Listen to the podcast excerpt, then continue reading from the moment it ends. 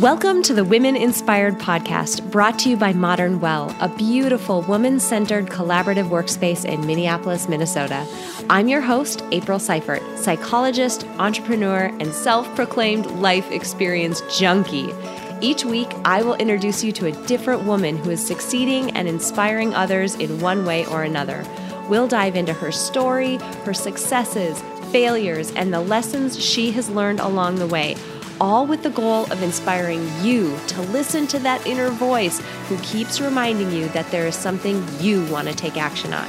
You are so much more capable and powerful than you give yourself credit for. Inside of you is a woman on fire. Let's let her out and see what happens. Here we go. Hey, everybody, welcome back to the Women Inspired Podcast. My name is April Seifert, and I am your host. And this week is an extremely powerful and extremely timely episode. We are talking about something that absolutely affects every single one of us on a daily basis. When I talk about parenthood as a lens for politics, those eyes are the eyes that I want people to see the world through. Because I think it cuts through a lot of the animosity and the, the, the venom and the bipartisanship and this sort of being at odds and fighting for your team, you know, at, at, at the cost of your humanity. That incredible woman is Sarah Berliner, and she is the founder of the website votelikeamother.org. Her goal is to get people to vote with the lens of parenthood. And she mentioned that in that clip that I just shared. She says on her website that when you bring the concepts of care and respect into the voting booth, when your purpose is to build rather than to tear down, you're voting like a mother. Given that in a week or two, depending upon when this episode drops, it'll be another election. We'll be at the midterm elections on November 6th. This episode is so timely as we all think about the values that we have and the topics and the issues that are important to us, and primarily I urge you all to think about those topics and those issues from the lens of respect and kindness and compassion. And that is what Sarah talks about as voting like a mother. I'm so excited for you all to meet her and for you all to hear about this amazing project that she's doing. Sarah, I am so excited that you're joining us for this episode of the podcast. Thank you so much for being here. Thank you for having me. I'm I'm really thrilled. So, you are one of the people who I have really done a lot of research on online, and I have gotten more and more excited about our conversation as time has gone on and as I've seen more about what you're doing. So, this is going to be amazing. Before we dig into all of that, can you just help us get to know you a little bit and just tell us a little bit about yourself?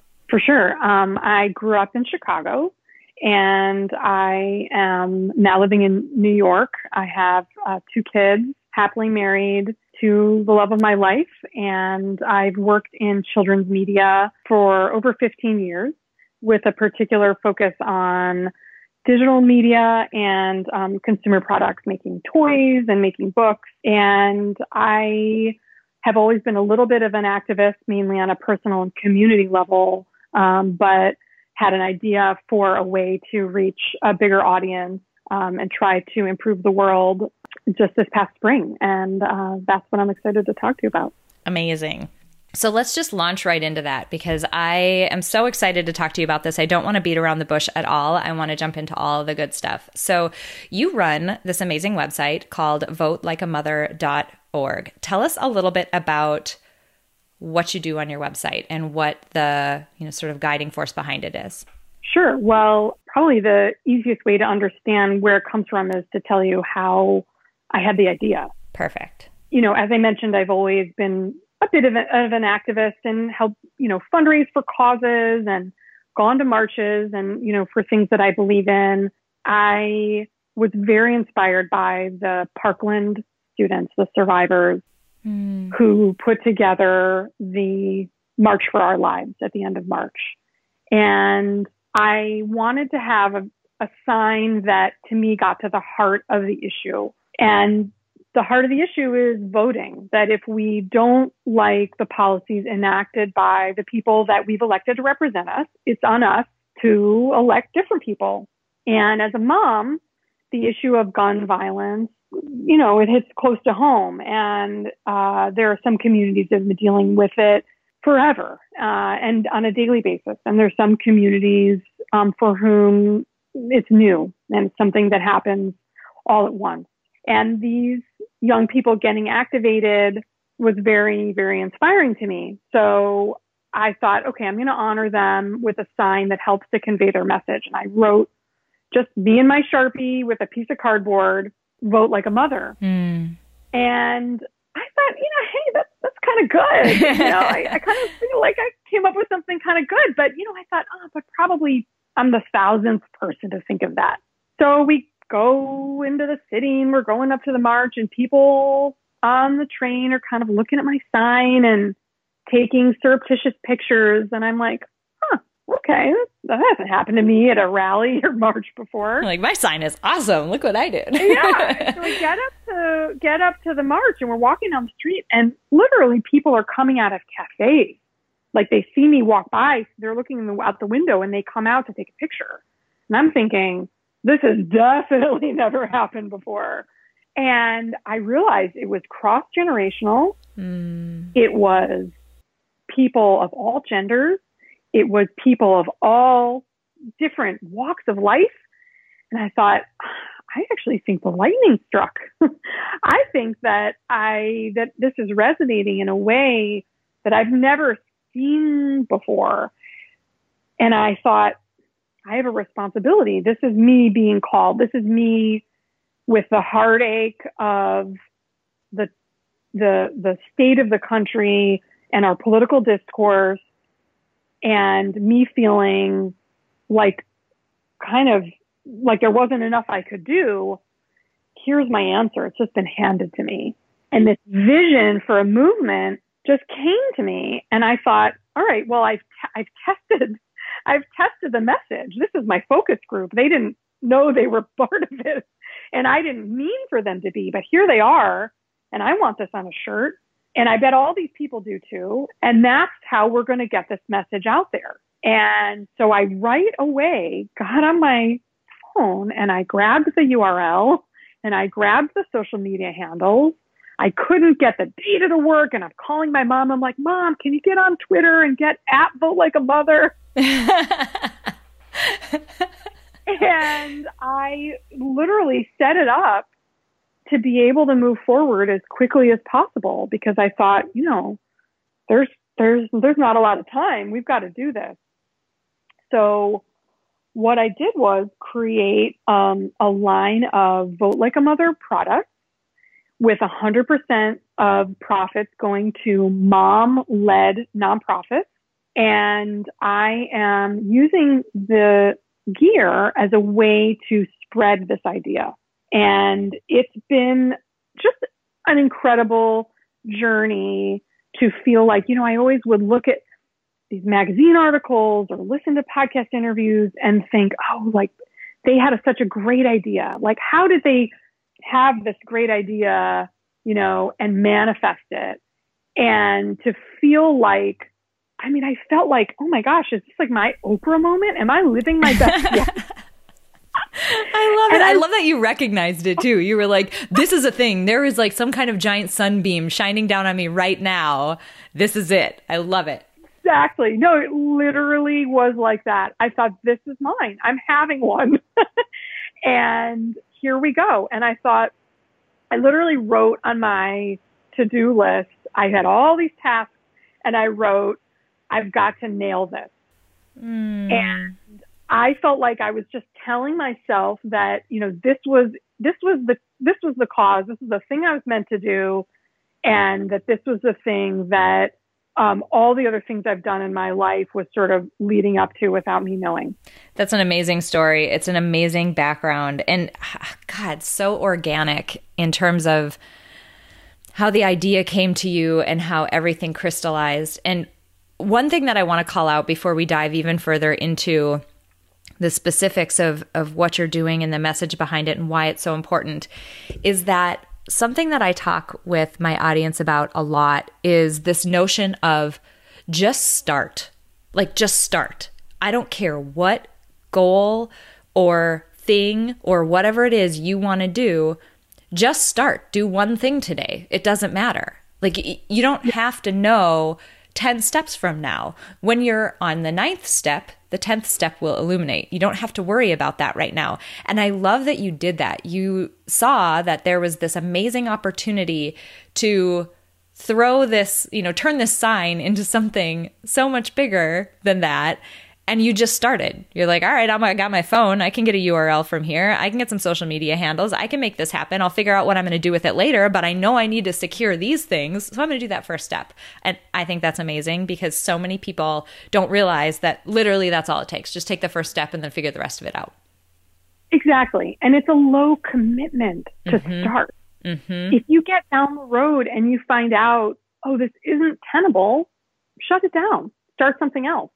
But the level of investment that it took, you know, maybe it was 20 bucks for the URL, no money at all for the social media handle, and the security to know that if I can really make this real, I now have the, the, the sort of tools that I need to at least get started.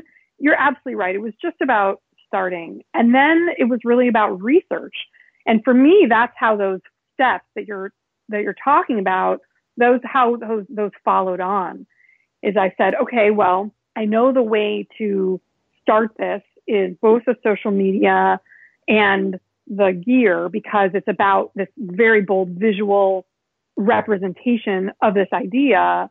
How do I start a clothing line? Mm-hmm. you know, and just staying up. I mean, I was not sleeping. I was just combing through article after article. And, you know, we live in the age of the internet sometimes it feels like nothing is possible because of the internet because it's like there's too many choices and it's sort of paralysis of choice. Right. Um, or like you're operating in this you know big um, black hole of information and you can't make any headway. Well i found if i did very very targeted research i was able to actually find advice incredibly helpful just getting from one step to the next. Okay here here are your choices. Here's a review you know with your choices of ways to start, in particular, was saying to start a a t-shirt line. Now they weren't talking about here's how to start an, you know, a, an activist product line with a charitable, you know, donation. I mean, it was not specific to me, but I was able to take what they were talking about and apply it. And it was just the way to see, okay, here is a potential path and here's how other people have done it. Yeah, I'm reading your About page right now, and it says, when you bring the concepts of care and respect into the voting booth, when your purpose is to build rather than to tear down, you're voting like a mother. That brings tears to my eyes because I've said it often to my husband when I became a mom, the, especially, you know, the first time when I had my first child, and I went through that sometimes difficult identity trans transition of you know becoming a mom i felt like i became everyone's mom. Like now it's not just about me caring for my child and making sure that my child does okay. But now that i know what that connection to that child is like i suddenly understand women and the connection they have to their kids and the same motivation and passion they have to make sure their kids thrive that I can't describe how much that opened my eyes and how much my heart, I feel like the Grinch, my heart grew 10 sizes that day. It kind of did because I felt like all of a sudden I had this connection to this sisterhood of women who felt the same way about their kids that I feel about mine and how I just felt like it was my job to make sure not only my kid was okay, but that their kid was okay. Like we're in this community together to make sure that our kids grow up really well. Yeah, I connect it to two things. One, this idea of there are no other people's children, that that, I, that doesn't exist. All children are the children of our community, you know, our region, our country, our world, and that we have to apply that same caring that we do extend to our children, to all children. Mm-hmm. The other thing that I think those feelings and that transition into motherhood at least brought for me is a deep well of empathy and the ability to look at people and say, oh, that, that person, that is someone's child. That might be an adult doing something that I don't agree with, but that is someone's child. They used to be an actual child. They may be an adult child now, but we were all children once and we were all cared for. We were birthed by mothers and the majority cared for by mothers of some kind, whether it was your biological or mother or not, that's irrelevant. And that lens, when I talk about parenthood as a lens for politics, those eyes are the eyes that I want people to see the world through. Mm. Because I think it cuts through a lot of the animosity and the, the, the venom and the bipartisanship and this sort of being at odds and fighting for your team, you know, at, at, at, at, at the cost of your humanity. And I think if you come to the world, again, whether or not you are a mother or of any kind, you know, regardless, if you're able to see the world as parents see their children, I think that you come to political discourse and to participation in, in society with uh, with empathy, and that's what's missing right now. Now, the other thing I love is bringing a sense of humor to it because I, to me, empathy and humor, uh, there's a nice uh, a nice interdependence. Mm-hmm. The ability um, to laugh at yourself is the ability to see yourself as human and to see yourself as equal to other people. And a lot of what happens in our politics today is people putting themselves on pedestals and saying, you know, I want more power. I want more money. I want to be in charge. I want to be able to rule you. And those people to me lack a sense of humor. They lack a self reflexivity and they lack empathy. Well, and lack the ability to think about how our government is supposed to actually run where sorry you you actually work for us. Like we don't we don't work for you. You're not on top. You're our employee. We put you there. We'll take you out. Or at least exactly. that's how it's supposed to work. So exactly. when i think about I kind of want to dive into some topics that or some some issues that are particularly relevant. And I want to dive in here because there are some that probably bubble to the surface as being obvious, but depending upon where you're at in your stage of life and how your um, how your home works and all of that, some may be more or less relevant. You may have thought more or less about some of them. So, can you kind of run me through some of the issues that are particularly close to home for the work that you're doing? Absolutely. So, um, a major one for me is women's rights, um, the ability for us to have uh, the right to control our own bodies. That is as fundamental as it gets. And the idea that, um, you know, anyone except a woman would get to make choices about her own body is anathema to me. Um, and it is really incumbent on our government, as you said, to represent the will of the people. Well, the people who believe that women should have rights over their own bodies, um, that's the majority.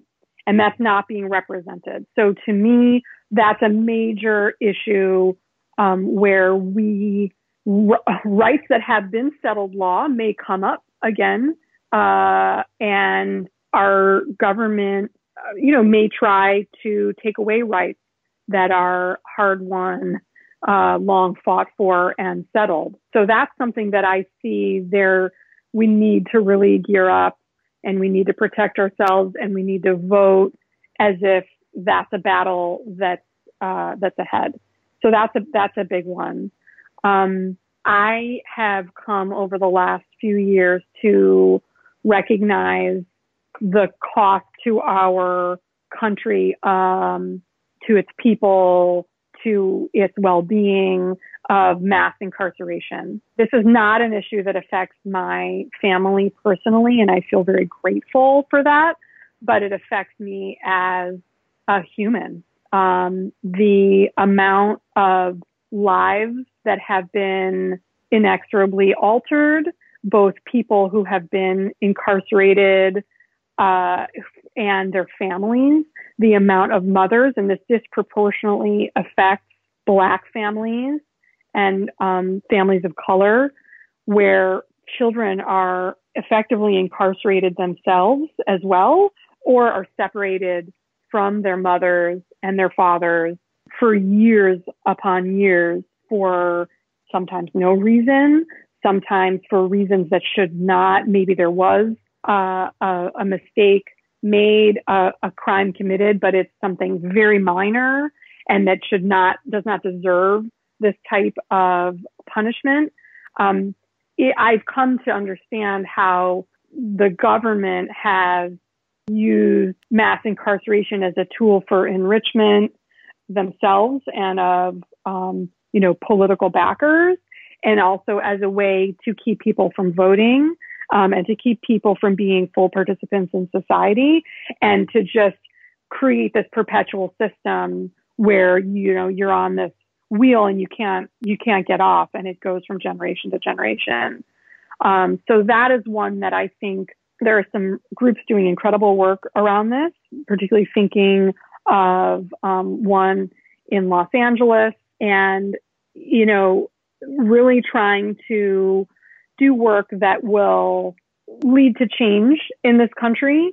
Um, the Equal Justice Initiative is a, a really fantastic institution. If this is something, an issue that resonates with anyone, I really recommend to, to check out the Equal Justice Initiative website um, and look for ways to get involved.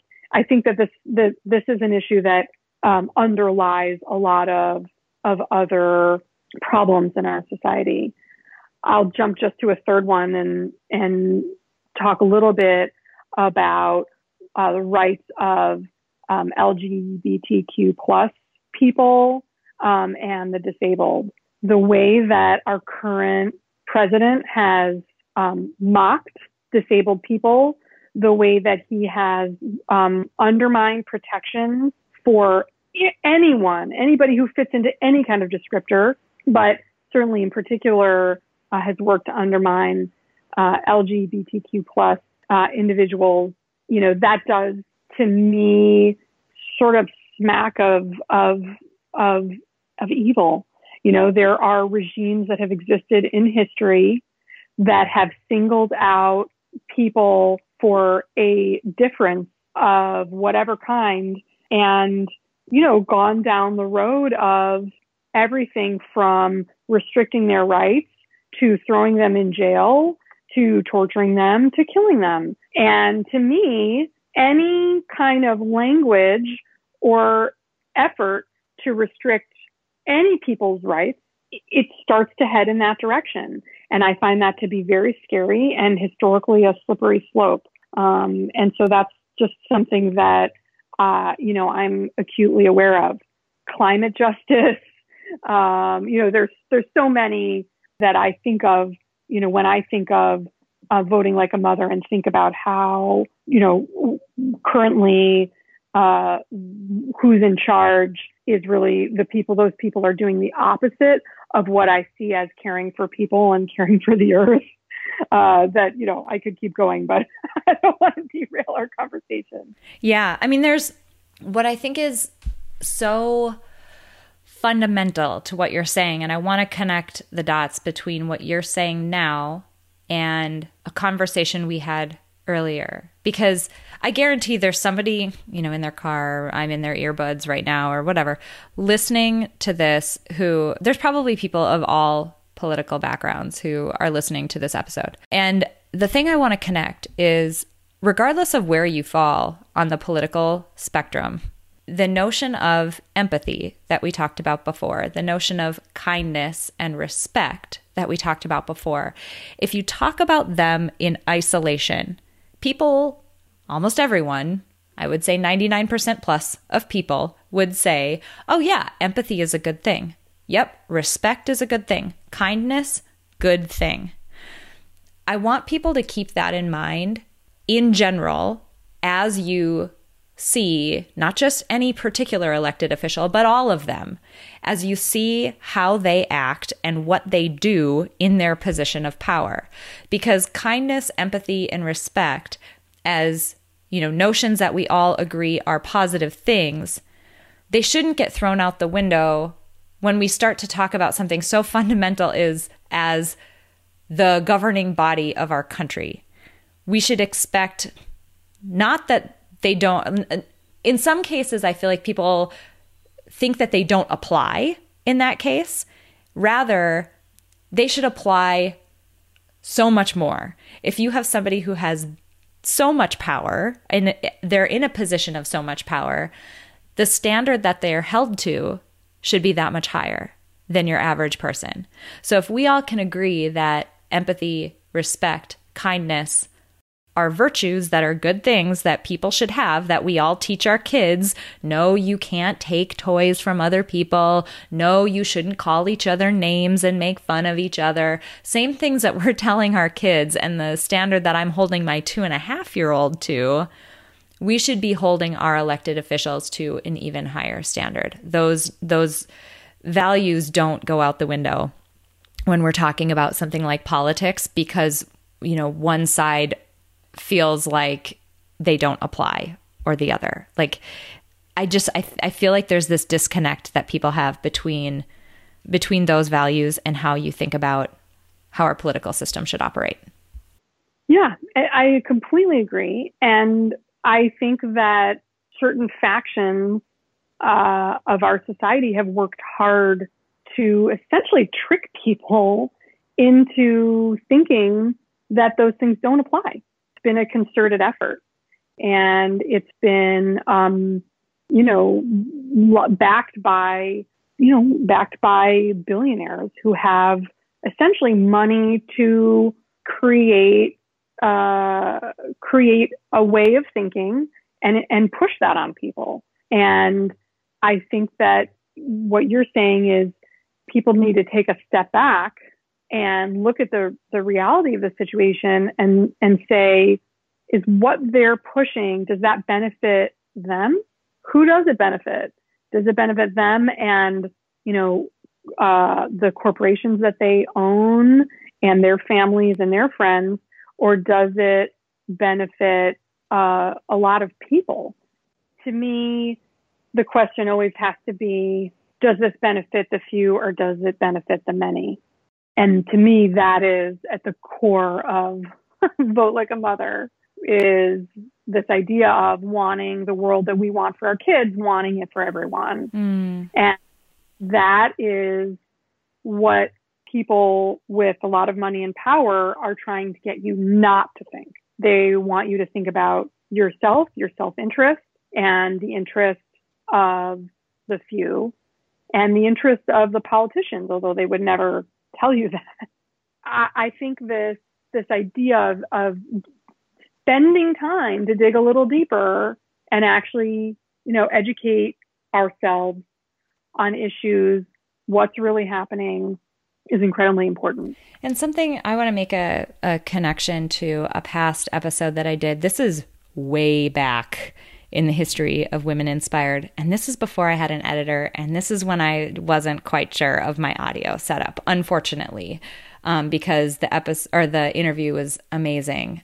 So just take that as a grain of salt.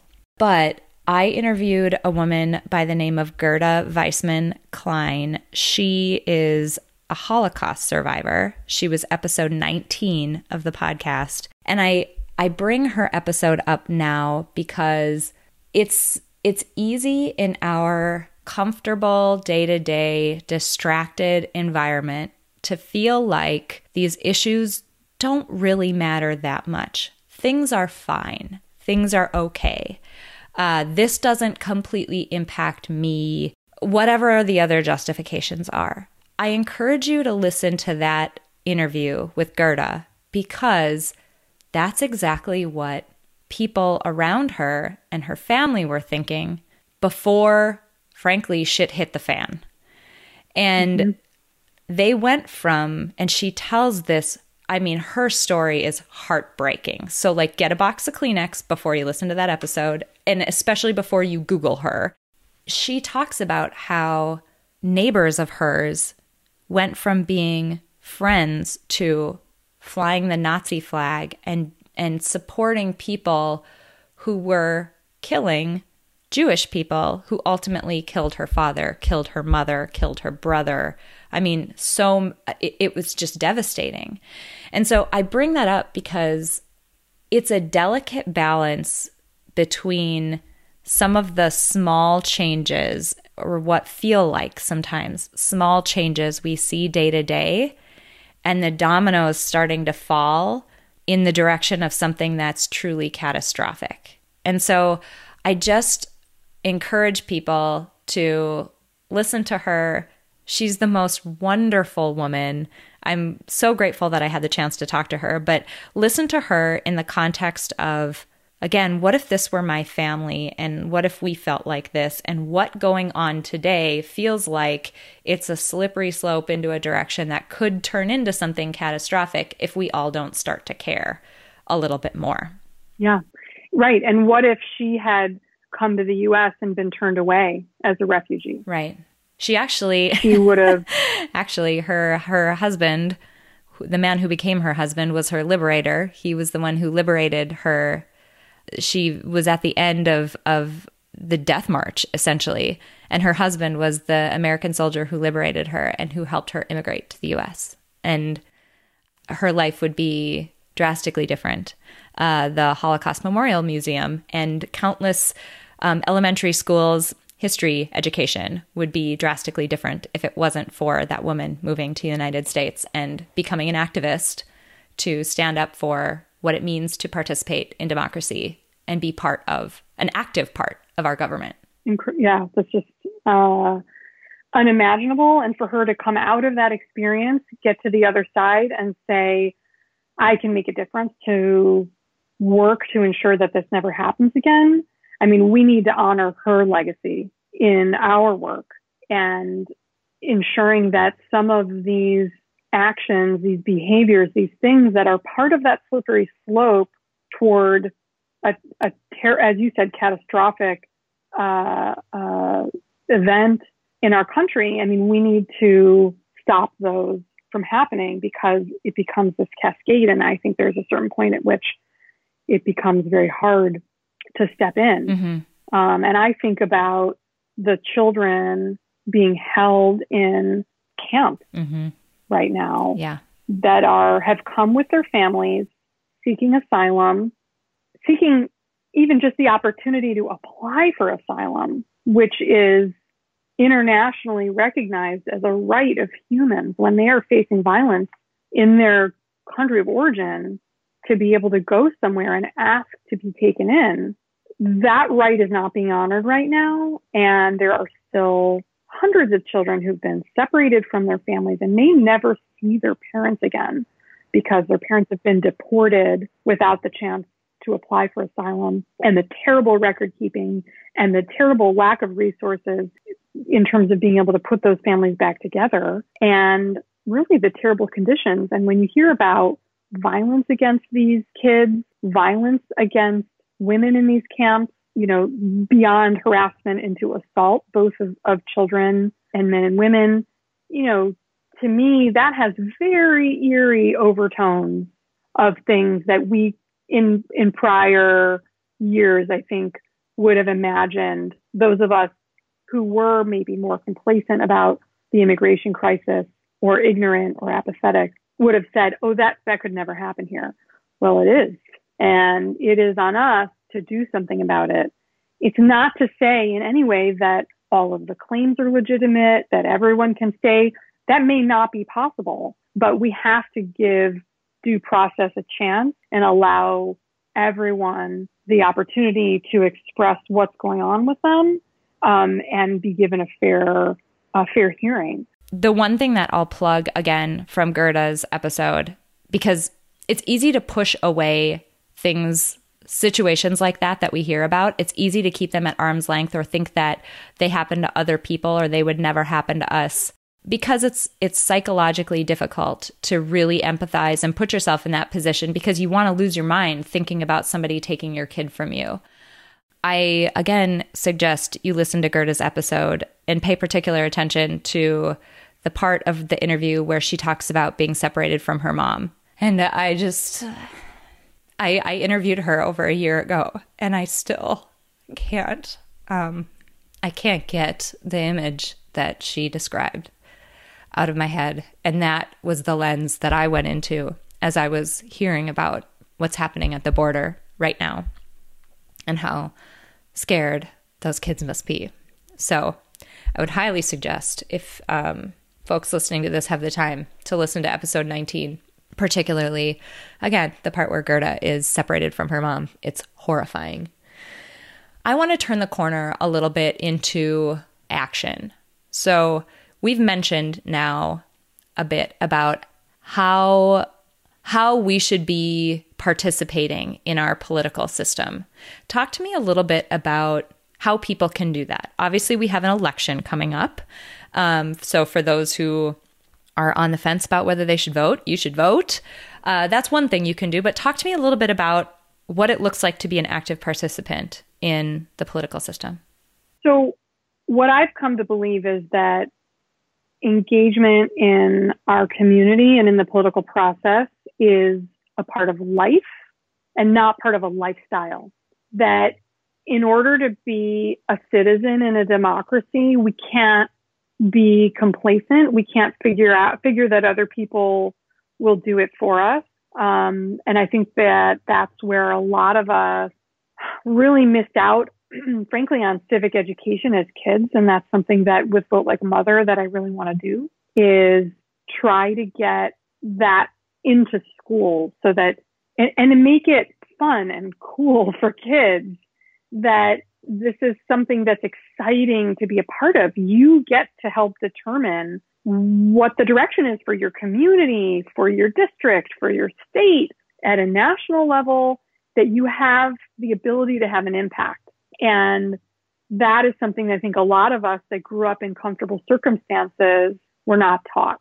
So that that's that's a big thing for me. And so I think where where is there action in that for individuals? It's talking to your kids it's starting when they're young. It's reading them books that have to do with voting rights or how the government works, stories about important people. I mean, the picture books that have been written about Ruth Bader Ginsburg, you know, about leaders in our society. That's a great place to start with, with kids. In terms of what grown-ups can do, there are so many different ways. And part of what Vote Like a Mother is trying to amplify the myriad opportunities to get involved, no matter your personality, whether you like talking to people or whether you like t- spending time by yourself, um, whether you have money to donate or whether you have time to donate, or whether you don't have much of either and say you have five minutes a day to give, how to maximize your impact and to make it make it accessible and make it into something like you can do it with friends or you can do it by yourself. There are so many different ways. So just a handful of things that I would say can have impact ahead of the midterms, which are happening November 6th. That's Tuesday, November 6th. In April, as you said, got to be participating in that election. Um, some states allow you to register uh, right up until election day. So if you are not registered to vote, um, check and see whether the deadline has already passed in your state. You may still be able to register. And if you're already registered, make a plan to get to the polls. That's something that I'm told time and again makes a huge difference in turnout. Do people have a plan? They say, okay, I'm going to go and vote before work. I'm going to go on my lunch break. I'm going to go after I pick up the kids from school. I'm going to go in the evening. Um, make sure that you've got the coverage that you need. And if you need a ride to the polls, there are ways to get them. So you can reach out to the election commission board in your county. You can reach out to a campaign where you've found a like-minded uh, candidate and they will connect you with someone who can drive. The flip side, are you someone who has time and has wheels or the ability to take someone on the subway or on the bus? Be a volunteer and get other people to the polls. election uh, voting in elections in this country is much harder than it should be. First of all, voter reg- voter registration should be automatic when you turn 18. There should be check-ins through schools, through um, ID card and, and driver's license registrations. There should be check-ins at all sorts of different points where if you're not registered, the information is being pushed to you about how to get registered or simply where your polling place is if you are registered. Um, so that's also something that I'm hoping in the future we make moves toward. And some states like Oregon have made, Oregon have made um, great strides toward in terms of automatic registration. But barring that, where are we today? We're in a place where it takes a lot of effort to get people to vote. And so those efforts of uh, literally getting people to polls, getting people registered, there are nonpartisan voter registration efforts happening all over the place. Groups like I am a voter. You can go to vote.org. Literally it says vote.org to register and to find out um, ways to help other people get registered. Once you've gotten past that registration and you know how you're going to vote or you know how you're going to help people vote, commit some time to understanding whether you are um, in a community where, or a town or a city where you um, want to make change happen and get involved not only in voting for things like school board and uh, you know local budget votes. Try running I mean, if you're someone who'd like to have an impact, those are relatively low commitment types of opportunities for you to have an outsized impact on what's happening in your immediate surroundings. After that, go from that to your um, town, you know, your your city level or um, county level. Uh, get involved in a congressional campaign. Are you in a swing district? If you're in a swing district, and there is a candidate who's running for office against an in- incumbent and you feel like that candidate would do a better job and is more in line with your values, work to get the vote out for them. Increase uh, their name recognition, volunteer with their campaign. If you don't want to knock on doors, if you don't want to phone bank from home and call potential voters or text bank, lots of people are doing texting this year volunteer to go pick up pizzas for the volunteers who are working in the office or bake something and bring it by or do an office supply run. Lots of different ways that you can get involved with those candidates. You can be a poll watcher. You can be someone who goes and gets paid to spend the day at a poll, making sure that everyone's vote is counted. There are a lot of voter disenfranchisement efforts happening right now and it's a, a really a terrible thing. There are a lot of people whose votes are not going to be counted. Um, there are efforts you can get involved with in terms of fighting that legislatively. If you're an attorney, you can sign on for efforts where um, cases are being brought to court to uh, try to fight the voter disenfranchisement and enfranchisement on a on a legal level. But you know, if you are someone who simply has that day off, Tuesday, November 6th, or a future election date, just sign up to be a, a poll watcher and contribute at, at that level.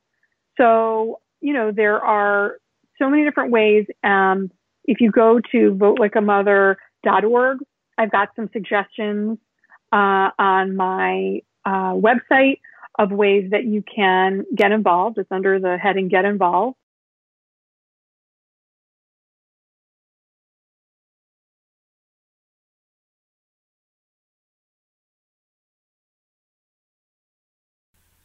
Ah, I love it. I love the work that you're doing.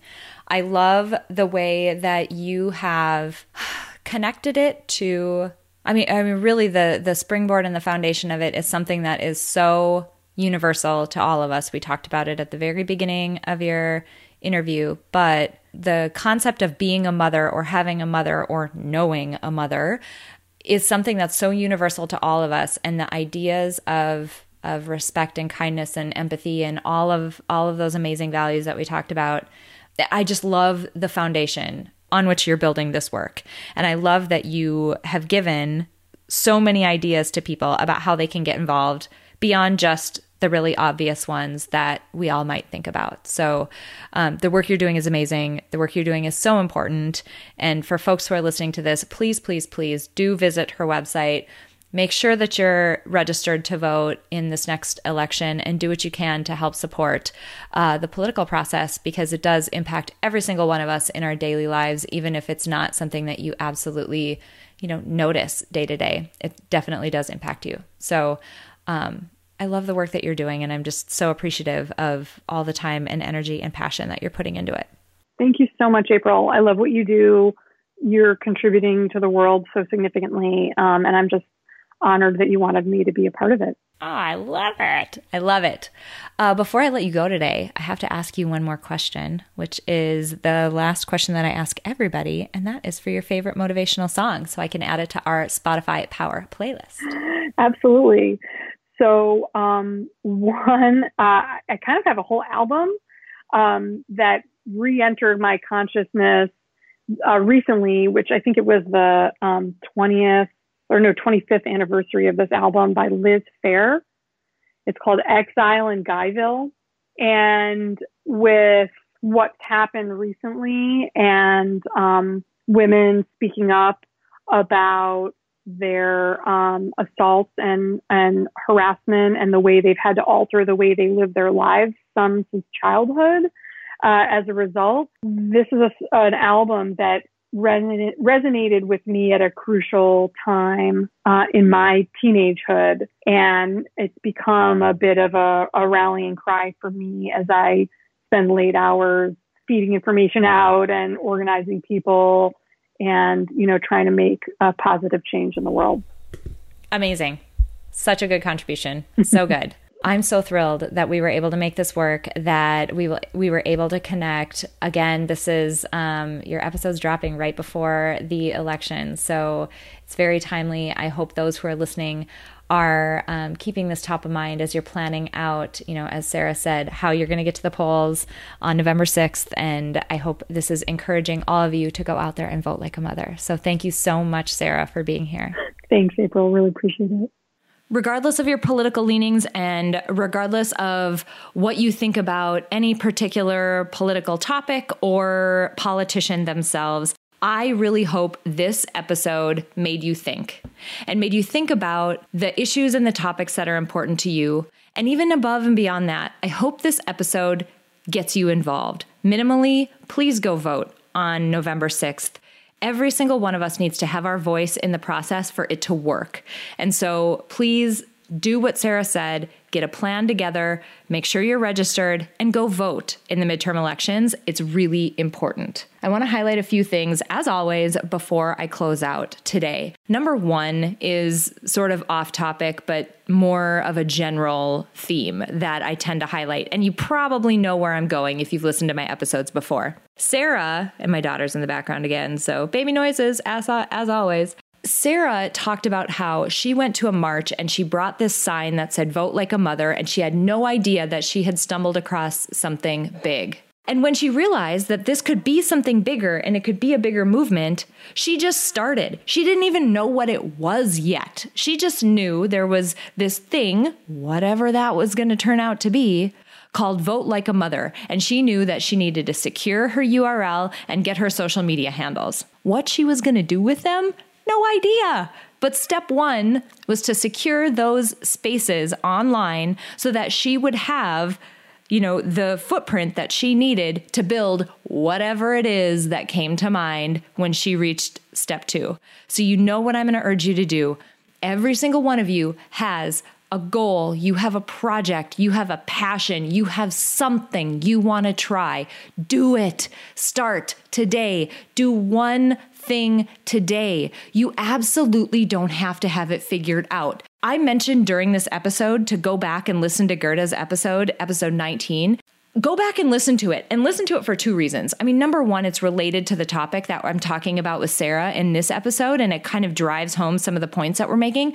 But number two, listen to how terribly produced that episode is. I'm almost embarrassed at how terribly produced it is, but I put it out there because the information was too important to not get into the world. But listen to how badly produced it is. I that's me starting. That's me just doing this podcast, not knowing what the heck I'm doing. Today, Thanks to Cameron, my producer, and thanks to a million other things that I've learned along the way, things sound a lot better and a lot more professionally put together. Hey, we're learning. That's awesome. But you don't have to have that in the beginning. Just start. Just start doing whatever it is that you're passionate about and figure it out along the way. Number two, I mentioned it a little bit, but please, please, please get involved. Minimally, please go vote.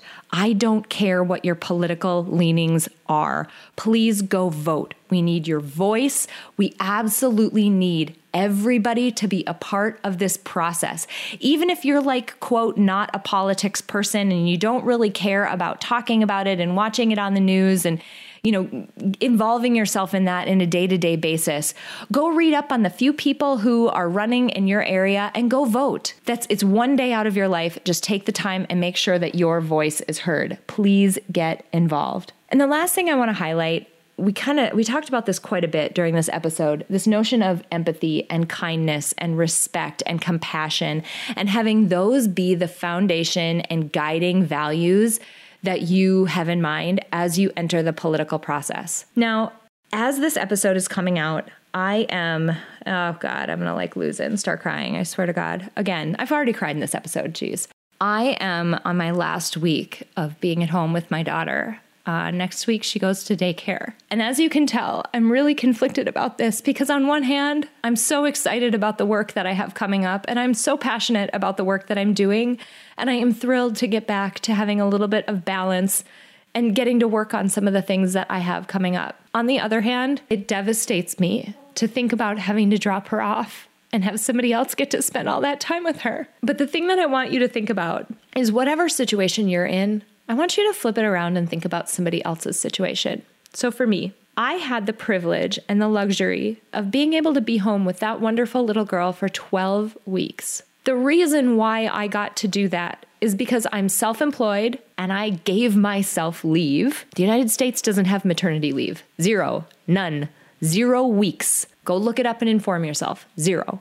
I gave myself a leave. And our family is in a financial situation that we could afford for me to make no money for three months. That's a really big deal and that's a huge privilege. So many women don't have that option. They are faced with figuring out how to care for their kid days after they've delivered. I can't imagine that. We have to do better. That is criminal. Also, as bittersweet and slightly devastated as I am about dropping my daughter off at daycare, I'm dropping her off at one of the best daycares in our area. It's an incredible facility full of people who are going to love my daughter as much as I love her and who are as committed to turning her into the best human being they possibly can.